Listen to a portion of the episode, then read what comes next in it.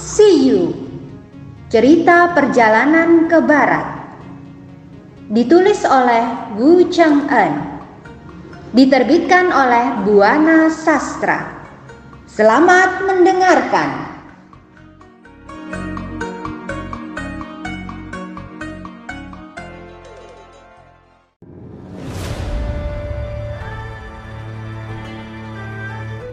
Setelah pangeran itu pergi, Wukong kembali ke kuil untuk menemui gurunya. Sun Wukong amat senang, apalagi sekarang para biksu telah bersikap baik dan amat menghormati mereka. Mungkin hal ini karena mereka menyaksikan sendiri betapa hormatnya anak raja kepada rombongan biksu dari timur ini. Para biksu telah menyediakan makanan secukupnya, juga tempat untuk mereka bermalam. Namun, malam itu Sun Wukong tak bisa tidur. Segera ia menghampiri gurunya. Guru, kata Wukong. Walau Tong Sancong mengenali suara Wukong yang memanggilnya, dia tetap diam saja. Wukong jadi penasaran. Ia menggoyang-goyangkan tubuhnya. Namun Sancong tetap diam. Karena kesal, akhirnya Wukong meraba-raba dalam gelap. Dengan tak sengaja, kepala Tong Sancong yang gundul terpegang olehnya. Eh, kurang ajar. Kau masih belum tidur juga. Mau apa sebenarnya kau ini? Tegur Sancong. Ada sesuatu yang mau kubicarakan, guru. Soal apa? Tadi, kepada pangeran muda aku berkata bahwa aku sanggup menaklukkan siluman itu. Padahal aku sendiri menghadapi kesukaran, ucap Wukong. Kalau kau tak sanggup ya sudah, jangan kau tangkap siluman itu, kata Sancong. Aku sudah berjanji akan menangkapnya, tetapi jika ku tangkap siluman itu tanpa sebab, bagaimana ya? Apalagi, sudah jelas dia itu siluman jahat. Buktinya dia telah merampas tahta orang lain. Kenapa kau masih menanyakan soal alasan untuk menangkapnya? Jangan salah mengerti, guru. Bukankah undang-undang hukum mengatakan untuk menangkap penjahat kita harus punya bukti-bukti yang kuat dan saksi yang bisa dipercaya. Sedangkan mengenai siluman ini kita tak punya bukti yang kuat. Apalagi dia sudah bercokol sebagai raja selama tiga tahun. Permaisuri dan para menteri sudah bergaul dengannya selama itu.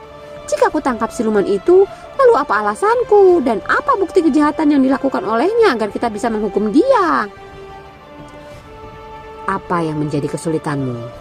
Tanya Sancong. Sekalipun kita punya bukti buli-buli Kumala sebagai bukti, dia masih bisa membantah dan melakukan pembelaan. Karena bukti-bukti kita kurang kuat, jika siluman itu membantah, bagaimana kita membuktikannya? Kata Wukong. Ah, aku pun jadi pusing. Kalau begitu, terserah kau saja, kata Tong Sancong. Sambil senyum-senyum, kerasakti ini berkata lagi.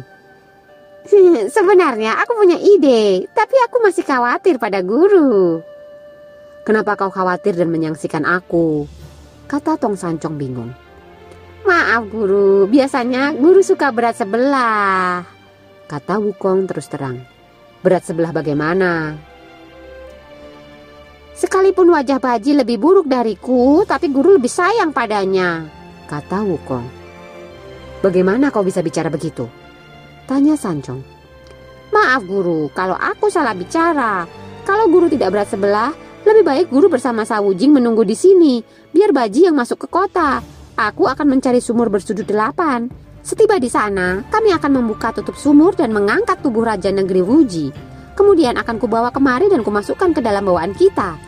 Besok, pagi-pagi, kita ke istana untuk meminta tanda tangan surat perjanjian kita. Saat itu kita buka kedok kejahatan siluman itu di depan para menteri dan permaisuri. Apabila siluman itu masih melawan, biar aku bersama kedua saudaraku yang akan menangkapnya. Bagaimana pendapat guru? Aku setuju saja, tetapi aku khawatir apakah Baji mau ikut denganmu, kata Sancong. Hmm, apa ku bilang? Bukankah guru selalu pilih kasih? Sudah kubilang, pasti guru lebih sayang pada Baji. Sekarang terbukti dugaanku benar, bukan? Kata Wukong sambil tertawa. Kemudian Wukong berkata lagi, Sekarang aku mau tanya, apa alasan Baji tak mau ikut denganku?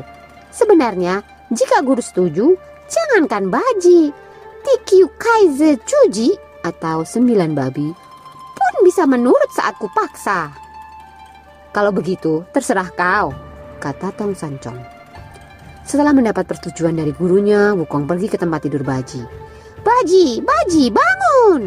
Seru Wukong membangunkan adiknya itu. Baji yang pemalas dan suka tidur itu sulit sekali dibangunkan. Melihat Baji yang tak mau bangun, Wukong menarik tubuhnya. Bangun! Kata Wukong. Ah, mengganggu saja. Sudah, pergi tidur sana. Kata Baji. Kita perlu istirahat. Bukankah besok kita harus melanjutkan perjalanan kita? Aku tak main-main. Ayo lekas bangun. Aku punya rencana yang perlu kubicarakan denganmu. Kata Wukong. Soal apa? Tanya si pemalas. Tadi siang kau pun sudah tahu tentang anak raja itu kan? Anak raja? Maaf, aku tak tahu apa-apa. Aku tak pernah mendengar soal itu. Jawab Baji. Eh, pemalas, jangan macam-macam kau. Kau kubangunkan karena akan kuajak untuk menaklukkan siluman sakti itu. Bagaimana caranya, kakak? Karena dia sakti, kita harus mendahului dia. Oleh karena itu, aku akan mengajakmu mencuri jimat miliknya kata Wukong. Kau mau mengajakku menjadi pencuri? Dengar, Dik. Semua ini aku lakukan untuk kebaikan kita. Hmm, baik. Aku bersedia ikut denganmu. Tapi kau harus berjanji kepadaku. Baiklah, soal apa? Tanya Wukong. Bila aku berhasil mencuri jimat itu, kau harus memberi aku makan. Kata Baji yang memang rakus itu. Beres, jangan kau khawatir soal makan. Mendengar dia akan diberi makanan, Baji segera bangun, kemudian dia mengikuti Wukong. Diam-diam, mereka keluar dari kuil. Sesampainya di luar, mereka terbang ke angkasa dan langsung menuju ke negeri Wuji. Ketika mereka sampai di negeri Wuji, waktu itu sudah menunjukkan pukul dua malam. Sudah jam dua, kata Wukong. Bagus, ini saatnya orang tidur nyenyak, jawab Baji seru Wukong. Kemudian mereka bergegas menuju ke belakang istana. Di sana mereka melihat pintu dijaga ketat. Bagaimana kita masuk? Tanya Wukong. Pencuri tak pernah masuk lewat pintu. Sebaiknya kita lompati tembok saja. Jawab Baji. Mereka pun melompat dengan cepat. Lalu mereka menuju taman bunga.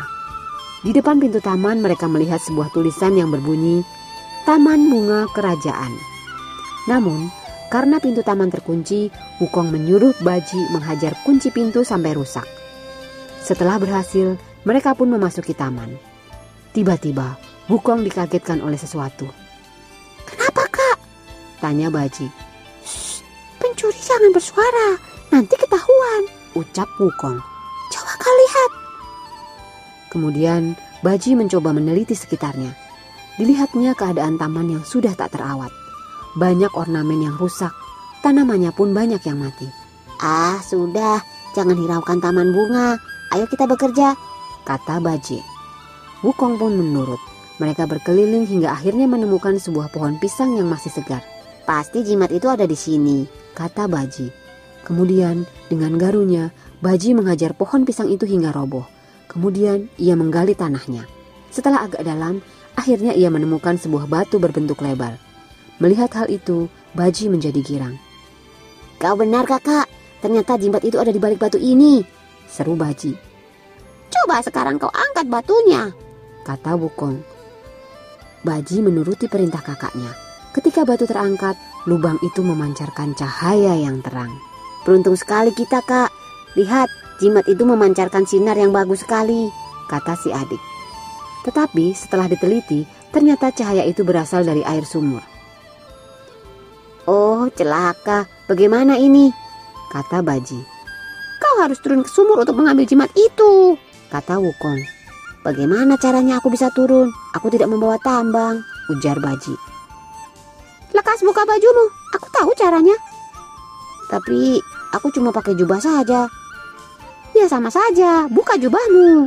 Perintah Wukong.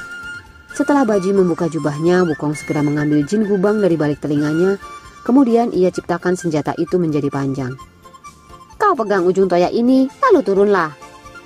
Kuharap kau pegangi toya ini erat-erat, Kak. Kata Baji agak khawatir. Jangan takut. Dengan hati-hati, Baji memenggangi toya itu, lalu merosot turun. Tiba-tiba, Wukong menghentakkan toya itu. Subaji pun terjatuh ke dalam sumur. Terdengar suara deburan dan cipratan air dari dalam sumur.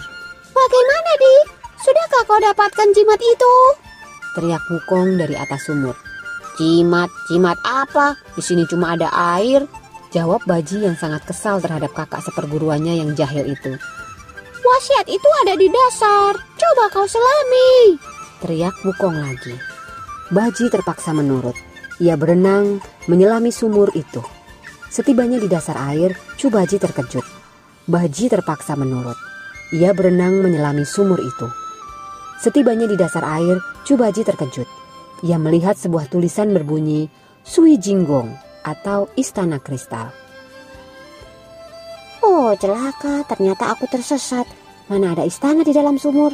Pasti aku tersesat di laut, pikir Baji. Sebenarnya Baji tidak tersesat. Ia hanya tak mengetahui bahwa istana naga sumur berada di sana. Ketika Baji kebingungan, anak buah Raja Naga Sumur tengah memperhatikannya. Mereka segera melaporkan kehadiran Cubaji dalam istana mereka. Oh, pasti itu adalah Marsekal Tian Peng, pikir Raja Naga Sumur. Bukankah tadi malam penjaga malam telah datang dan mengatakan bahwa Marsekal Tian Peng akan datang untuk mengambil mayat Raja Negeri Wuji? Kalau begitu, harus kusambut kedatangannya dengan baik. Aku tak boleh acuh tak acuh terhadapnya. Kemudian, Raja Naga itu memerintahkan anak buahnya untuk menyiapkan penyambutan. Marsekal Tian Peng, silakan masuk, kata Raja Naga. Oh, kiranya Anda kenalan lamaku, kata Baji sambil masuk ke istana itu. Marsekal Tian Peng, ku dengar sekarang kau telah menjadi murid Tong Sancong. Sekarang pun kau pasti sedang ikut biksu itu untuk mengambil kitab suci. Tetapi kenapa Anda ada di sini?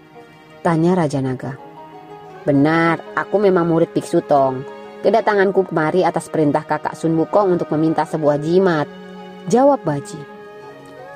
Oh sayang sekali, aku tak memiliki jimat atau wasiat apa pun, kata Raja Naga. Dibanding Raja Naga Laut, aku ini tak punya apa-apa. Aku bagaikan katak di dalam tempurung. Hidupku terkurung dalam sumur ini. Jangan merendah. Kalau kau memang memilikinya, lebih baik kau keluarkan saja, kata Baji. Kalau Marsekal Tian Peng memaksa, terus terang memang ada sebuah. Tapi untuk mengambilnya sulit sekali, kata Raja Naga Sumur. Di mana barang ini? Ayo kita lihat, kata Cubaji. Marilah, Marsekal Tian Peng, ikut aku. Kemudian Raja Naga Sumur mengajak Baji masuk ke ruangan belakang. Ternyata di tempat itu tergeletak sebuah tubuh yang panjangnya enam kaki. Nah, inilah yang ada pada kami, ucap Raja Naga Sumur. Apa? Ini bukan jimat. Apalagi sekarang aku tidak lagi memakan daging manusia, kata Baji. Oh, sepertinya Anda tak tahu. Ini adalah tubuh Oh, sepertinya Anda tak tahu. Ini adalah tubuh Raja Negeri Wuji yang tercebur ke dalam sumur ini. Untuk mengawetkannya, aku menggunakan mutiara Din Yang Zhu atau mutiara pengawet. Itu sebabnya, sekalipun sudah sekian lama, tubuh Raja Naga ini masih tetap utuh dan tak rusak. Sebaiknya Anda bawa mayat raja ini, lalu kau serahkan kepada kakakmu Wukong. Aku yakin dia bisa menghidupkannya kembali, kata Raja Naga Sumur. Baiklah, akan kubawa dia. Tapi berapa upahku? Tanya Baji. Oh, maaf, aku tak punya uang. Kalau kau tak punya uang, aku tak akan mau membawanya. Kata Baji. Jangan begitu, sekalipun mayat raja ini kau bawa, yang akan menggendongnya bukanlah kau, melainkan anak buahku. Ya, kalau begitu baiklah. Anak buah Raja Naga Sumur mengangkat mayat raja keluar dari sumur. Setelah berada di luar istana, tiba-tiba Baji mendengar suara gemuruh. Ketika ia menoleh, ternyata istana naga sumur itu sudah tak tampak lagi. Sekarang, Baji hanya bersama mayat Raja Negeri Wuji. Tak lama, ia pun muncul ke permukaan sumur. Kakak, kakak!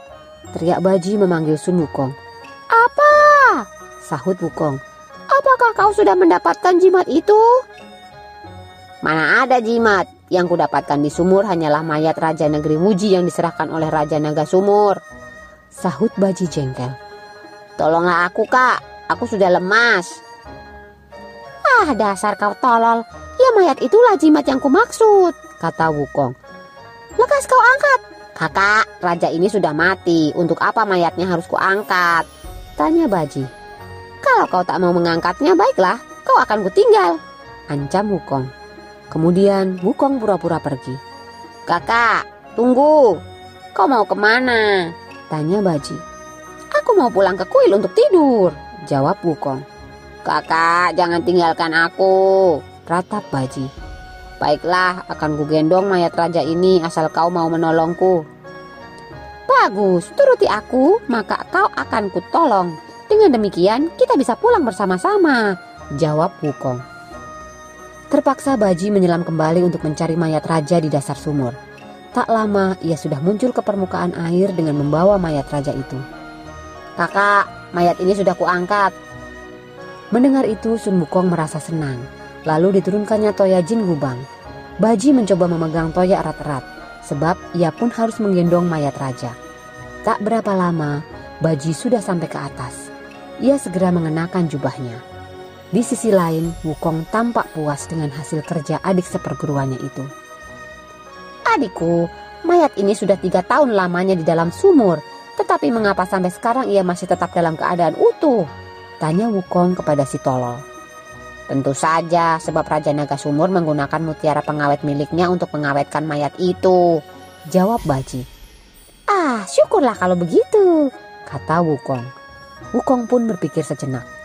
Wah, kalau begitu, usahaku tak akan sia-sia karena sakit hatinya akan segera terbalas, kata Wukong. Bagus kalau begitu, timpal si Baji. Sekarang kau harus gendong mayat ini. Apa? Gendong lagi? Mau kau bawa ke mana mayat ini? Tanya Baji. Tentu saja kita bawa ke tempat guru. Oh, sungguh kasihan aku ini. Nasib, nasib. Keluh Baji. Padahal aku sedang enak-enaknya tidur ketika kau bangunkan. Katamu akan mengambil jimat. Eh, tahu-tahu mayat. Tengah malam begini aku sudah harus mandi air sumur dan menggendong mayat. Wah, celaka. Pakaianku kotor. Lalu siapa yang akan mencucikan jubahku ini? Sudah, jangan mengeluh saja. Ayo gendong. Nanti di kuil baru kau ganti pakaian. Ucap Bukong. Tukar pakaian dengan siapa? Dari mana aku bisa memperoleh jubah baru? Kata Baji. Jangan rewel, ayo gendong. Perintah Wukong. Tidak, aku tidak mau. Gendong, ku bilang. Kalau tidak, ku hajar kau dengan toya ini. Ancam Wukong. Oh, jangan kakak, jangan kau pukul aku, aku bisa mati. Ratap Baji. Makanya, cepat gendong mayat itu. Ancam Wukong lagi. Karena takut dihajar, terpaksa Baji menggendong mayat raja. Sesampainya di luar taman, Sun Wukong membaca mantranya. Tiba-tiba terdengar deru angin besar. Dengan cepat, Wukong menyambar tubuh Baji yang menggendong tubuh raja, lalu ia bawa terbang ke arah kuil. Dalam perjalanan, Baji kesal sekali. Monyet ini sangat kurang ajar padaku. Aku harus balas sakit hatiku ini, pikir Baji. Tak berapa lama mereka pun sudah sampai. Sambil menggendong mayat raja, Baji pun masih terus berpikir. Awas, sebentar lagi ketika aku sudah bertemu guru, akan kupengaruhi dia. Dengan demikian aku bisa membalas dendam pada si kunyuk jahat ini, pikir Baji. Di hadapan guru aku akan bilang bahwa kakak dapat menghidupkan raja ini. Kalau dia menolak, guru harus membacakan jampinya supaya si kunyuk tersiksa. Hanya dengan cara ini aku bisa balas dendam. Sambil berjalan, Cubaji masih berpikir keras. Ah, terlalu mudah, terlalu mudah, pikir si babi. Kalau cuma menghidupkan raja, pasti si kunyuk ini bisa. Sebab ia pasti akan pergi ke akhirat untuk meminta bantuan raja neraka. Sekarang aku harus cari akal supaya si kunyuk tak usah pergi ke akhirat, tapi ia bisa menghidupkan raja dengan caranya sendiri. Tak lama mereka sampai ke ruangan peristirahatan. Baji segera meletakkan mayat raja di depan pintu. Guru bangun, guru bangun, teriak Baji. Karena Tong Sancong tidak tidur, buru-buru ia keluar untuk menemui kedua muridnya. Ada apa muridku? Lihat guru, si Wukong sudah keterlaluan guru. Bayangkan, mayat engkong luarnya harus aku yang menggendong. Jahat sekali bukan? Keluh Baji. Jangan ngaco tolol, mana mungkin aku punya engkong luar? Kata Wukong. Kalau ini bukan engkong luarmu, kenapa kau suruh aku membawa mayatnya? Bukankah itu berarti kau telah menyiksa dan memeras tenagaku? Ucap Baji. Tong Sancong bersama Sawujing segera keluar untuk menyaksikan mayat yang kedua muridnya itu bawa. Setelah melihatnya, tampak keharuan di wajah Tong Sancong. Oh kasihan, entah apa salahmu sehingga kau harus menderita selama tiga tahun. Ucap Sancong dengan sedih. Mendengar gurunya menangis, Cubaji malah tertawa. Guru, kenapa kau menangis? Dia bukan sanak familimu, kata Baji.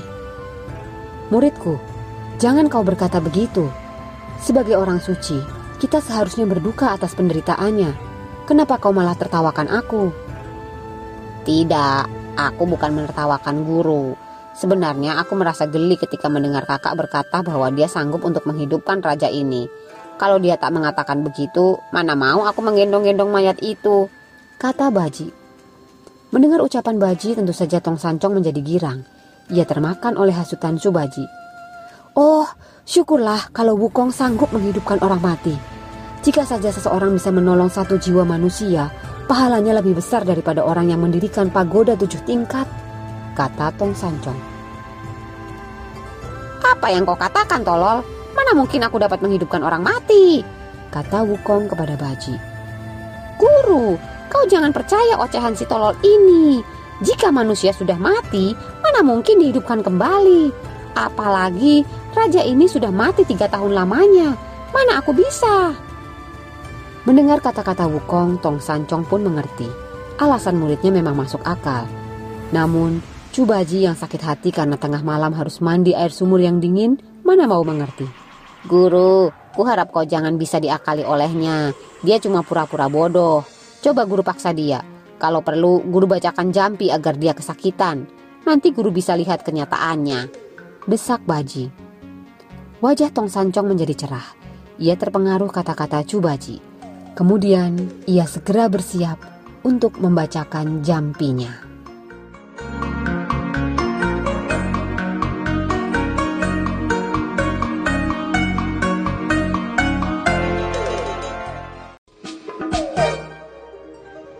Dengarkan kisah selanjutnya dengan teman membaca yang lain.